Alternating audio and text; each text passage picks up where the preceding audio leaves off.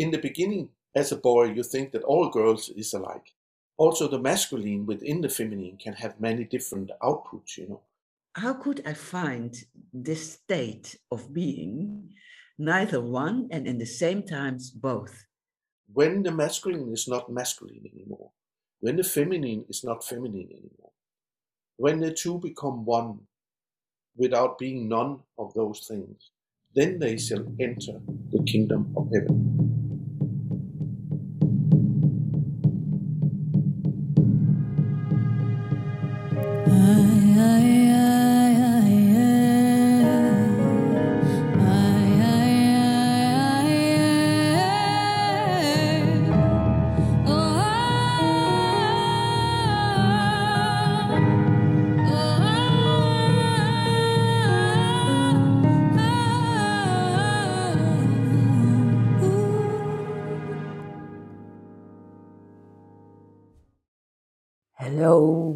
Welcome, dear listener. In this episode, I interview Lars Muhl. He is a writer, a mystic, and a musician, and he is living in Denmark. This is the first episode of hopefully several I get to make with him.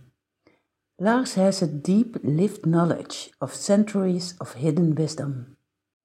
In this episode, he shares his knowledge and experience about the male perspective and how he has embraced the female perspective as a man.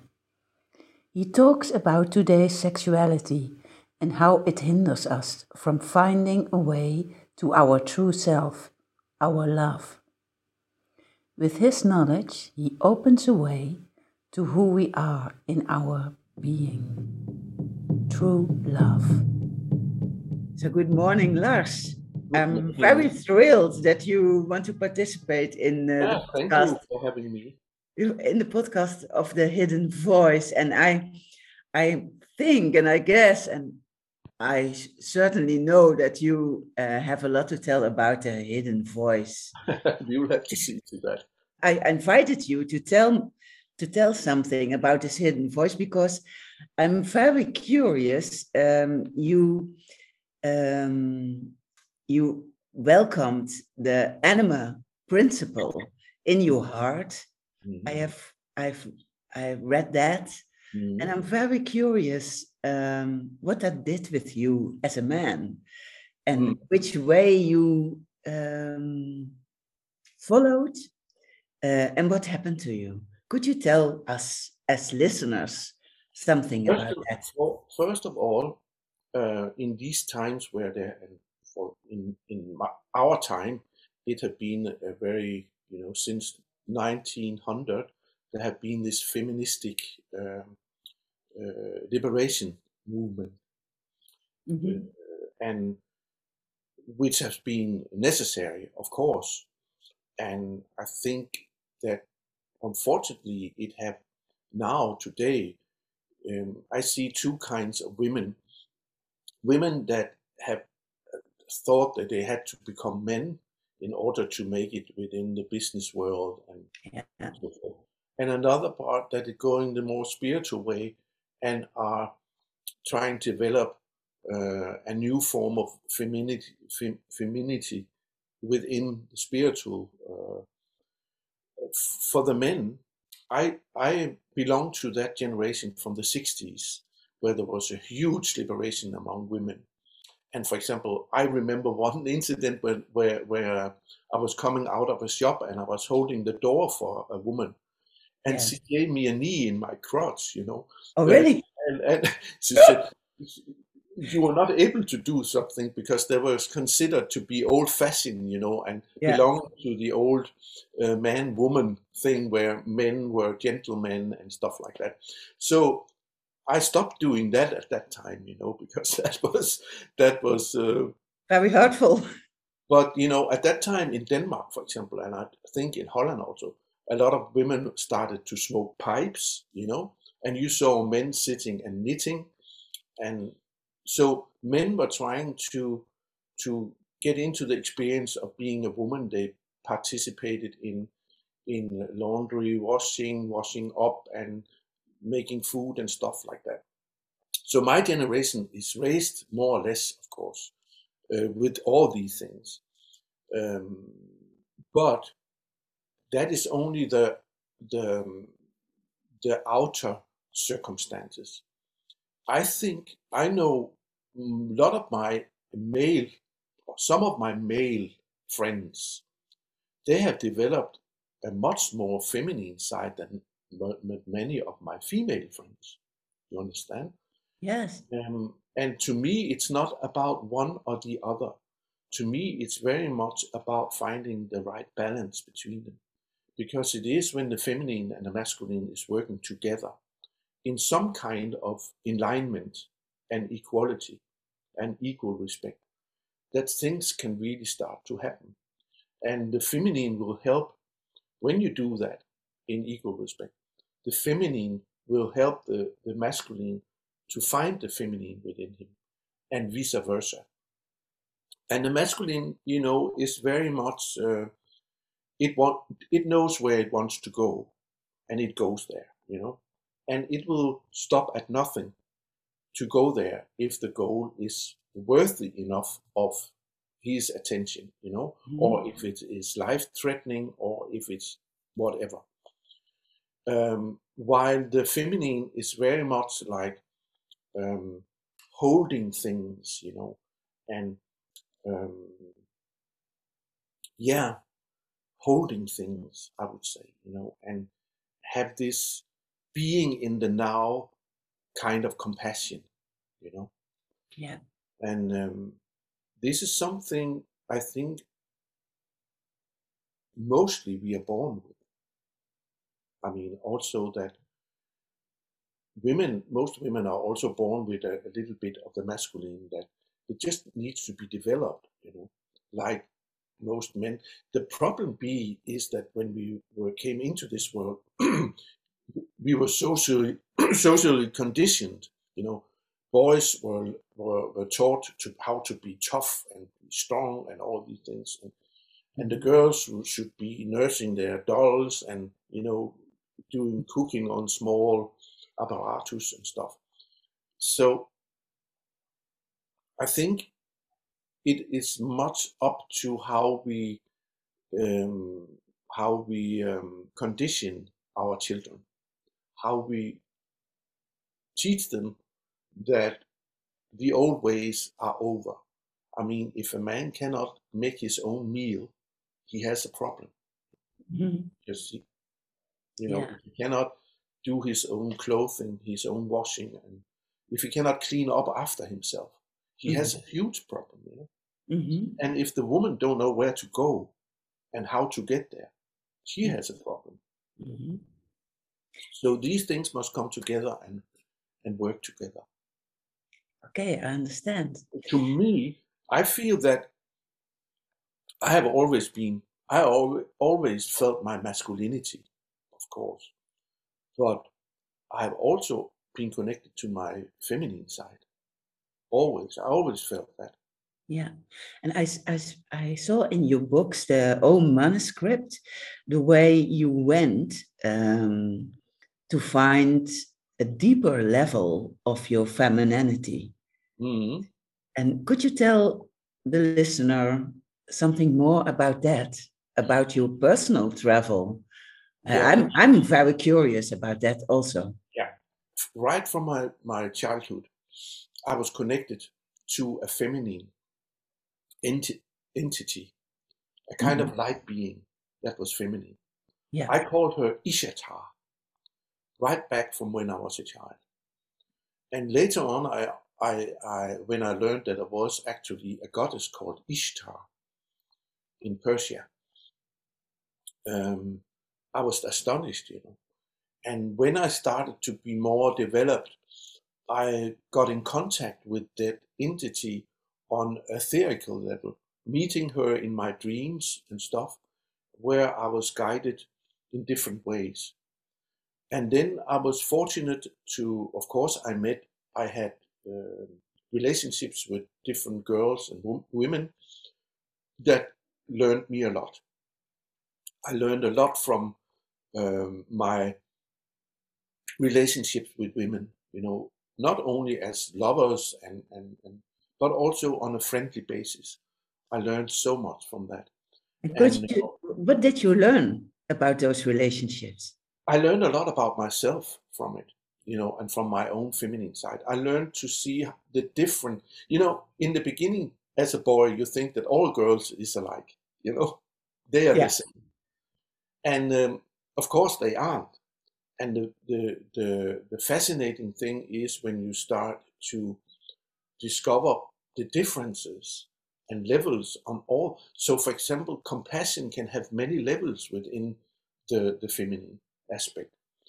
Um, the nurturing uh, aspect can have many uh, different levels.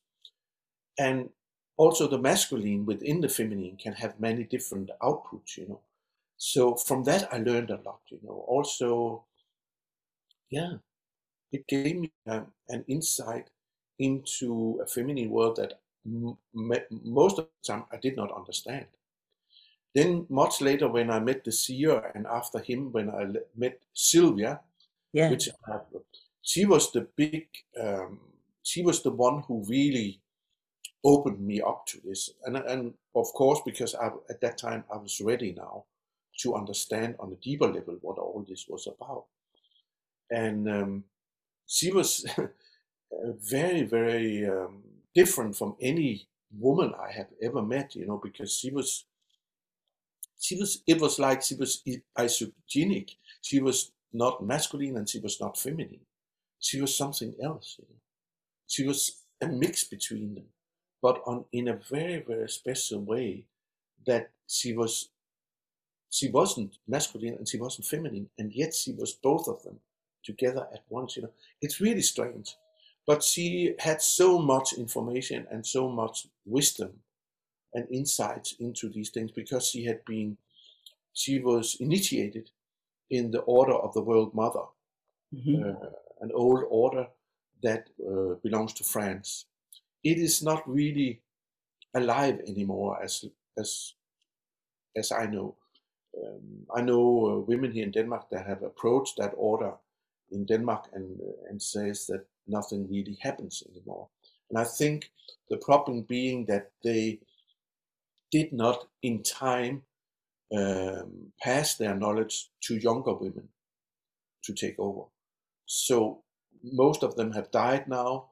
And like uh, Sylvia, Sylvia, she had this that she thought when I wrote my, when I've uh, written my book, The Grail, mm-hmm. she was in the beginning, she said, you cannot uh, give all this information to people that are not ready for it and she was very much at, of the old school. That's, that meant that all the, the knowledge and wisdom belonged within the mystery school and should mm-hmm. not be uh, opened, shared with everybody yeah. else. But I have another feeling, and I I know that that is one of my uh, my work, some part of my work here in this incarnation is to spread the, the knowledge for people to pick it up and use it. Um, but of course, I'm also aware of the saying from the New Testament that you should not cast pearl for swines. You should not. Um, and of course, that is, it sounds awful when you say it, but I know what it's meant. It's, it has nothing to do with people being swine. It is being you not being considered to take care of your children or your wisdom.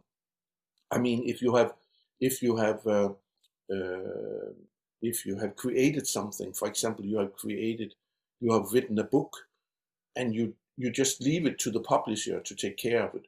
It would be the mm-hmm. same if you took your child and gave it to the uh, kindergarten and said, "You take care of that child." Yeah. No, you need to take care of that and follow it all the way through, so you know that it ends in the right hands. At you know, and try to promote it in a way so those people who are ready for it pick it up you know yeah i understand can yeah. i can i go back a little bit because i'm um, i have a lot of men in my uh, practice um, mm-hmm.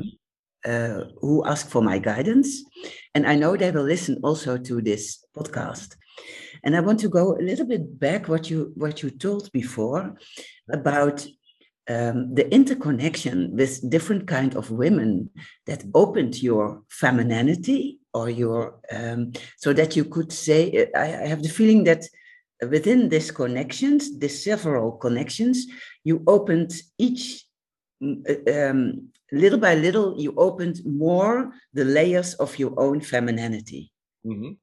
and then you met sylvia mm-hmm. who was um, neither both and in the meantime both yeah and then you could you could find another level yeah. or an, a, a, more deeper way or a more um, spirituality uh, way of uh, embracing the feminine energy is mm. that do i understand that in the right in the right way is that yeah. how yeah. it happened yes yes i had to to add that uh, while you are while I had these relationship with women, I was not thinking, oh, now I'm learning something from them. No. This is in hindsight.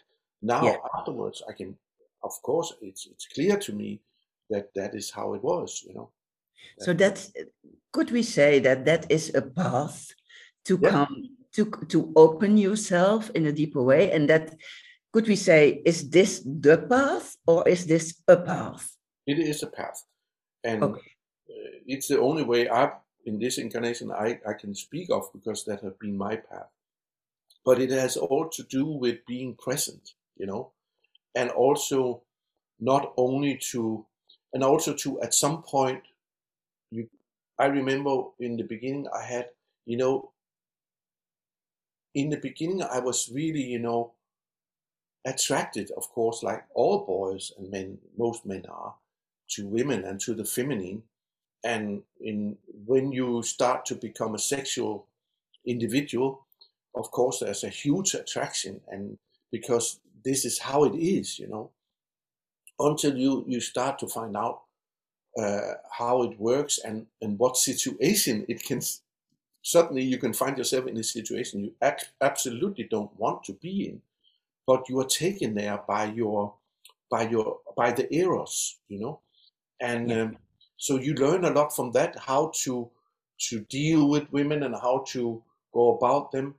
And um, in the beginning that was really really hard for me you know because i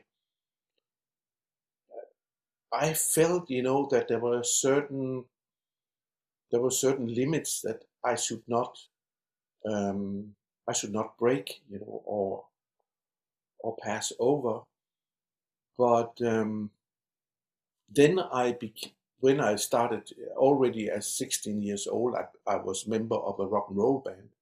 And then, of course, suddenly you get a lot of attention from girls, you know. A lot of the guys who started to play at that time, they did it in order to get the attention from the from the girls, you know. So this was, uh, but that was not that was not the reason why I went in there. That my reason for for being in a band was I needed a place to stay, uh, to be in the world, you know, because I knew I did not fit in in the regular way. And in that way, I, you could say, I suddenly was given access to a lot of different women, you know, on different levels. And when you come into in the 60s, when you came into rock and roll, those women that was attached to that was very very free spirits you know free spirits on all levels you know so they were into philosophy into uh, hallucination drugs into uh, free sex of course.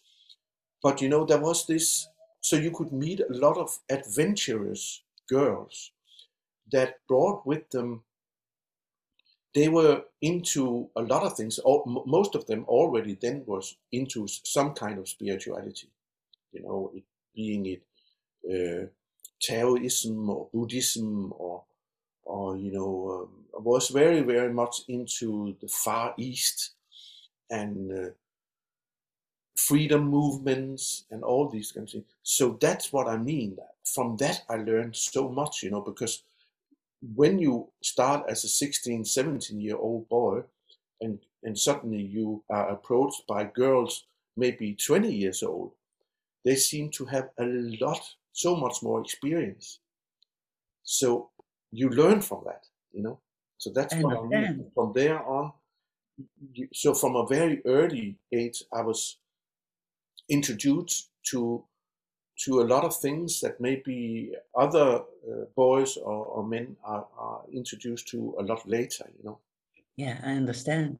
Yeah. And it also, uh, I, I hear that through your words, that there were also situations in which you came um, that weren't fitting with Yeah, you, it was your soul. I was embarrassed uh, because I could not really um, give myself away in certain things, you know. But you know, at that time in the sixties, everybody within those circles were trying to break borders, you know, trying Yes. to to reach higher uh, uh, levels of, of consciousness and and all these things, you know. So nobody drank uh, alcohol, for example. It was either hashish or LSD or uh, amphetamines and stuff like that. But Yeah. they were taking drugs not to get away from reality, but to try to reach a higher form of reality. And that's Yes. different from from for, from then to now, Yes. where I had the feeling that at a lot of youngsters they're trying to get away from the reality, uh, fleeing into to uh, another reality on the on the screen, or drinking and taking chemicals, drugs in order to to just get out of the he- here, you know. Yeah. That's the sad difference, I think. Yes, yes, I ag- I agree totally. Um, but I have the experience that by crossing my own comfort, my own comfort zones, my own borders, that um, when I stretch them a little bit, then I find new new areas, Hmm. new new dimensions, Yeah. and I I hear that the same in what you are telling about, but also by stretching this, Hmm. also you meet your own border where your border personal border of your soul is laying Yeah. and that's a very interesting process um, I think you have to respect your your own borders. yes yes so at a certain point in your in your life you became very ill Mhm. could you tell us more about about how that changed your life Yeah, uh, that was after I had stopped uh, touring, but I could not.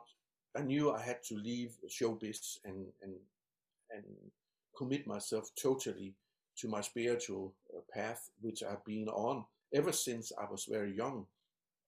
But uh, at the same time, as a man and as a boy, I needed to to find a place in the world and to to get somewhere, you know, and to prove myself, you know, that which is very much the masculine thing. You must prove that you are something, and then you can get to the to to the top of the mountain, you know, and all these things. But very early on, I really tasted the top of the mountain, and I did not find anything there that really that of any lasting value. But I needed to go there in order to find out that. So still, I could not really take that the last step. So I suddenly I became ill, and I was uh, in the beginning I thought this was kind of flu or influenza, or, but it it kept on going, and one day took the other, one month took the other, uh, and suddenly I had been lying there for three years without getting a, a diagnosis or nobody could tell me anything, uh, healers or whatever. So one day I was approached by a friend of mine, a singer uh, here in Denmark, who she she phoned me and asked me, "How are you doing? Why, why are we not seeing you anymore?" and stuff. And I told her that Mm. I've been lying there, and she said, "Why didn't you tell me?" And then I, through her, I was connected to the seer who get my get me out, got me out of bed within ten minutes, you know, on the phone. Yeah. So that was the story of that. And a half a year later, I met up with him in uh, Montségur and became his uh, apprentice and Mhm. his pupil, and later on his his good friend. And we worked together for, for nine years until he, he, he died in 2007. And Mhm. uh, I've read all. I've written about it in my books, uh, the O Manuscript. Yeah. The Seer and the Magdalene. Um, so that's the short story of that. Yeah. Yeah, and uh, the seer uh, was a, a, sort of uh, guidance on your path. Can I say it like that? Is that? Yeah, he was. Uh, you see, uh, in 1983, I wrote my second book called Zoe. It was a kind of stream of consciousness into to intuitive thing that I just wrote. It's a novel, but it's you know, it's a very prophetic, uh, a prophecy almost.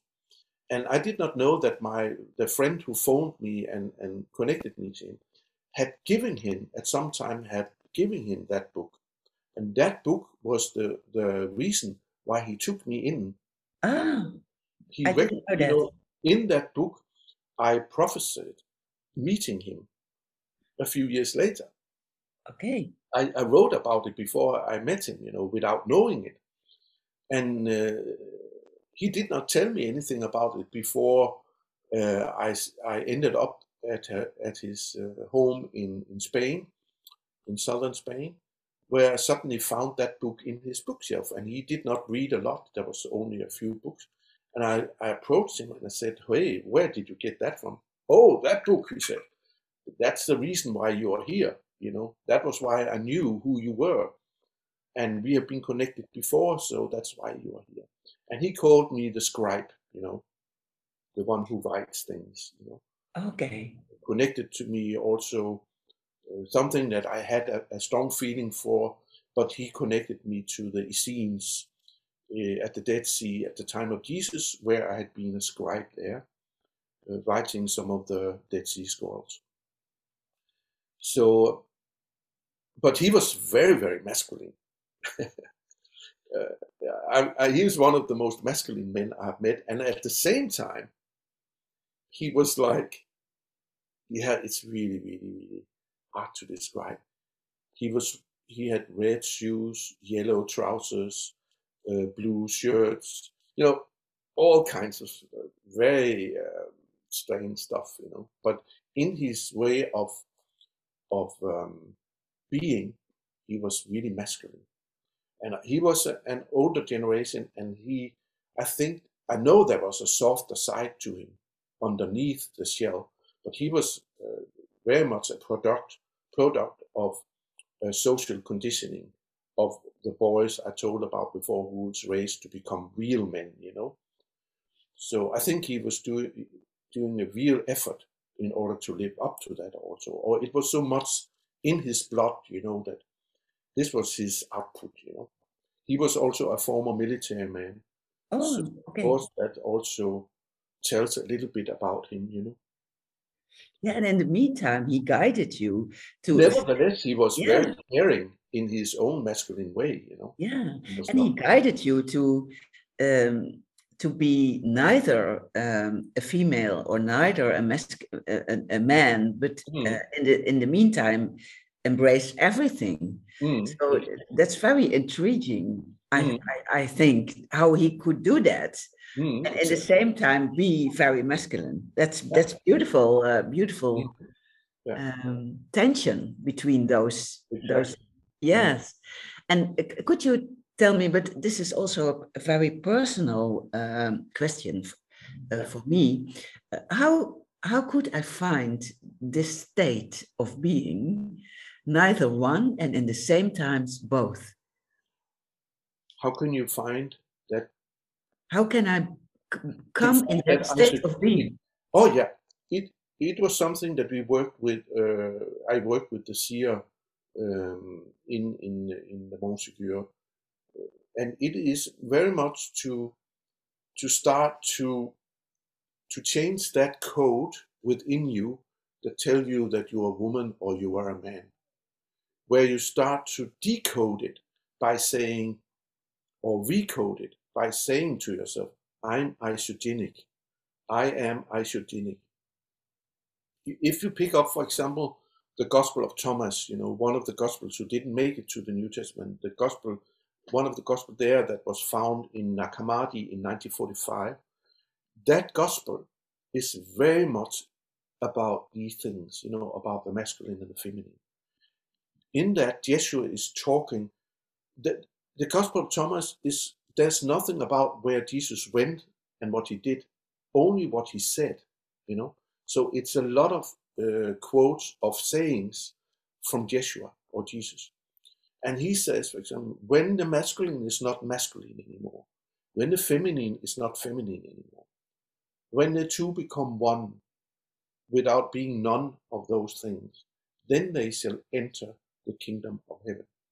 And of course, that is a mystical saying that can you then can leave you bewildered, and you can sit there and think, what the hell is he meaning? You know, what is the meaning of that? How can you not become, if you're a man, how can you stop being a man?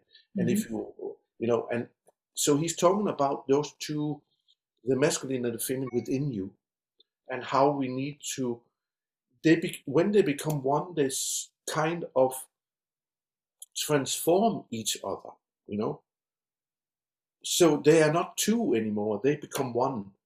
So that means that you have both of these two working on equal footing and in equal inequality. It's not one before the other. It's one, you know. And I think that's so beautiful. But it takes something. You know, Sylvia said about it, she said, she had been working a lot with women and sexuality, for example. And she said that a lot of women don't know their men, and a lot of men don't know their women. You know, and women they would say silly things like, "This is typical men." You know, if there's something they don't understand, typical men they react like that or they say nothing, and men they would say about the women, "Oh, that's typical hysterical women." You know, when women gets too emotional, a lot of men cannot handle that. You know, mm-hmm. so they don't say nothing. So she said, that is when men and women are reacting like that towards each other. They are keeping, the women are keeping the men bound within a prison of who she thinks that the masculine is, and vice versa. You must be, if you really want to pass over that threshold, you should, for example, I before I go any further, I'll tell you one thing. A, a woman once came to me in my uh, in my when I had in my office when I had uh, consultations, and she I had never seen that woman before, and she said, "Oh, it's terrible, terrible. I just uh, found my my husband sitting watching porn on the internet the other day." And she was really, really changed. I said, Yes, and and so? Yeah, but it's the same as being unfaithful, and it's not the man I thought I was married to, and all these things. Of course, they have, as, as I asked her, How many years have you been married? 30 years. Oh, I say. And you, you tell me now that you don't even know your husband after 30 years. Just because you, you, you have caught him sitting have you asked yourself why he's sitting there or asked him? You know, I just found out that a lot of people don't know, don't even know each other, you know. And she thought that was dirty and it was uh, awful and it was all kind of things. And of course, you can have that opinion, but nobody cared to ask this man why he was sitting there, you know. So Sylvia said to me, if just think about that you as a partner to an, an, uh, a man or a woman could say, invite that person into your very innermost being. You know, let's keep talking about the sexual part, for example. Everybody has sexual fantasies of some kind or are driven by some images uh, that not uh, not um, something that that person maybe will ever live out or something. It doesn't tell anything about it. It's again about social conditioning. It's just something astral, you know, that actually has nothing to do with that person, really. It's just part of the the the, the makeup of that incarnation right now. So if she said, Sylvia said, if just think if you could have so much trust in each other that you would invite your woman into your innermost world, because there's always a, a, a, a inner chamber within you that you never open to somebody else. That's your private room. And maybe it's best to have it like that. But just think for a moment if you could invite your partner into that room and trusting that whatever that person would experience there, she or he would not condemn you for it or judge you. Even if she or he did not understand what she saw. You know, maybe if if a man invited his wife or girlfriend into that sexual fantasy world, she would run away scared and say, "He's he's uh, you know being totally not understanding, but only judgmental because she judged from her own social conditioning because she have learned what is right and what is wrong, you know. But you know, all kind of archetypical images, which are also to be found in the sexual world has some other story behind it you know maybe it show itself in the most awful way you know the most disgusting ways or whatever you, you might find behind it there is another truth you know and if we don't not dare to go there and see what that truth is it is part of our shadow world you know it can be there can be so much behind there waiting to be discovered that actually is love, you know. It's just a way of expressing that love, you know. I cannot stop thinking of that. I've read that, that a lot of young uh, men or boys today, they get their education by watching porn on the internet.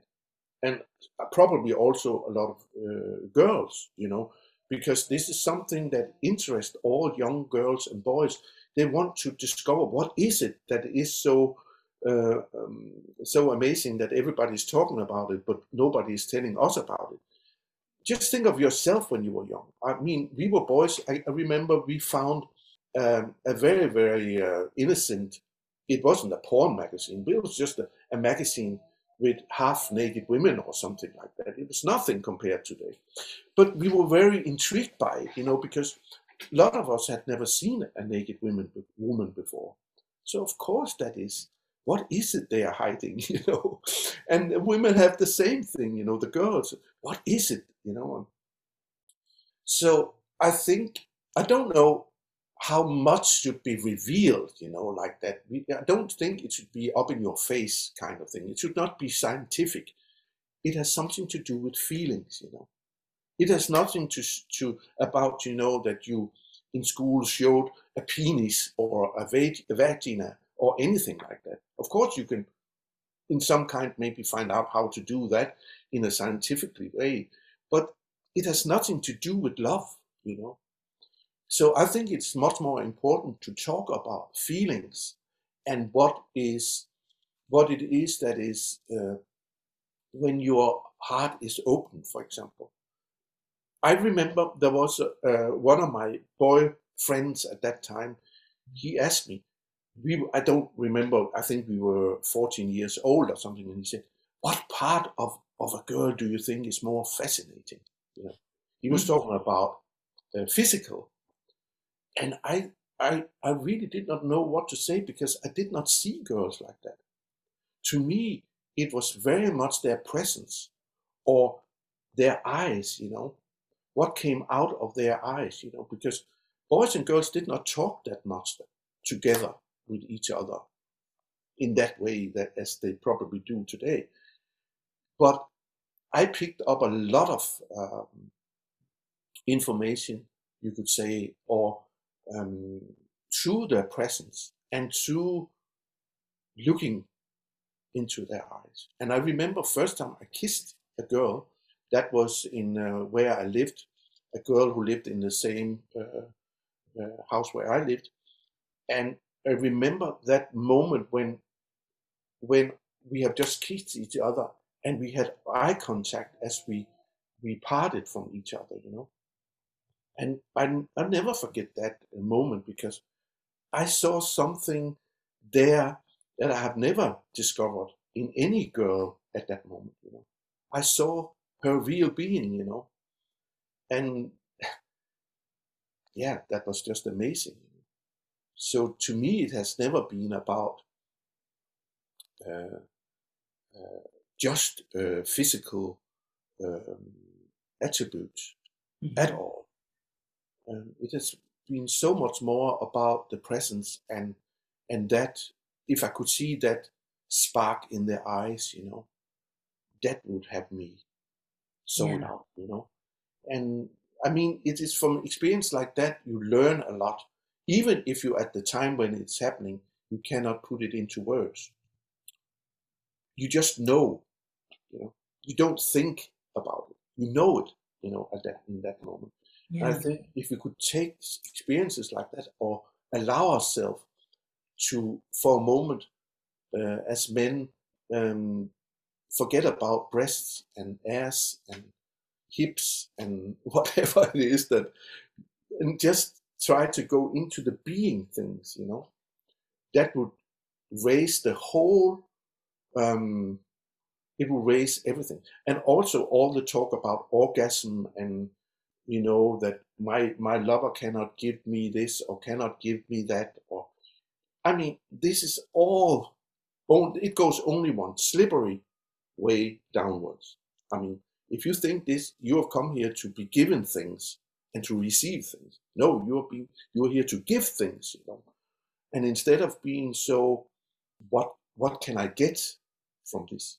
You should think what can i give to this you know because that's real love you know um, that's actually it, you know, and and to try to not go into so much into the to you know a lot of men they are really really I think one of the reasons why there's so much um, problems in the bedrooms right now because men they have learned to they should live up to be certain in a certain way with women you know and if they cannot get an erection, they are not good men. If they cannot do this, they are not, if they can only last five minutes, they are not good men. They, they are all too fixated on this performance thing. And actually, it has nothing to do with that. And I also find a lot of women are very focused in that way. You know? Uh, so we need to give up all that and let the dust fall to the ground once more and then pick up the, the new cards and see how is it talking to us now. I think there's so much in, in the societies in the Western world that we live in today, or most of the world, that is so sick from the way we have uh, chosen to live and chosen to. I mean, it is all about comfort, and we need to be shaken out of our comfort zone on all levels. And uh, or else we will we will die in our own sickness, in our own illness. And we need to stand up now and and get out of this social conditioning uh, with the norms that are only limiting us and try to find our real being and our own femininity as men and our own masculinity as women and try to to um, unite them with each other so we can start to be the ones that we were supposed to be when we came in here. That's my feeling about it. I'm I'm very silent. Um, you gave you gave me a lot of you shared a lot of wisdom with me and with the listeners and um, I want to thank you very, very, very much, Lars. I have a million other questions, but I think for for this I podcast, think, I think so too. It's uh, it's it's it's enough. You think too. Yeah, you you have also the same feeling, I think. Yeah. Of course. So it was very beautiful. We, we, you build it up, and and now it became to um, where it where it should be Mm. And I, I really hope that um, your contribution um, makes a lot of difference for the people who are listening, who mm. were listening to this podcast, and that they could find their own love in themselves, mm. uh, hidden between all kind of layers. Mm. Um, so I, I, have a lot of other questions, but we I think for uh, at some other time we can. Yes. Also thanks to you, dear listener, for listening to this episode of the podcast series The Hidden Voice. If you have listened to this podcast on the day of the launch, every first Sunday of the month, at 11, there is the possibility to participate in a live Zoom meeting. In this meeting, I guide you through my voice and beautiful music to a mystical experience related to the discussed theme. I will record this and it can be found on my website www.marionbovens.nl. Have a nice day, dear listener, and don't forget, you are unique, powerful, and free. I, I, I.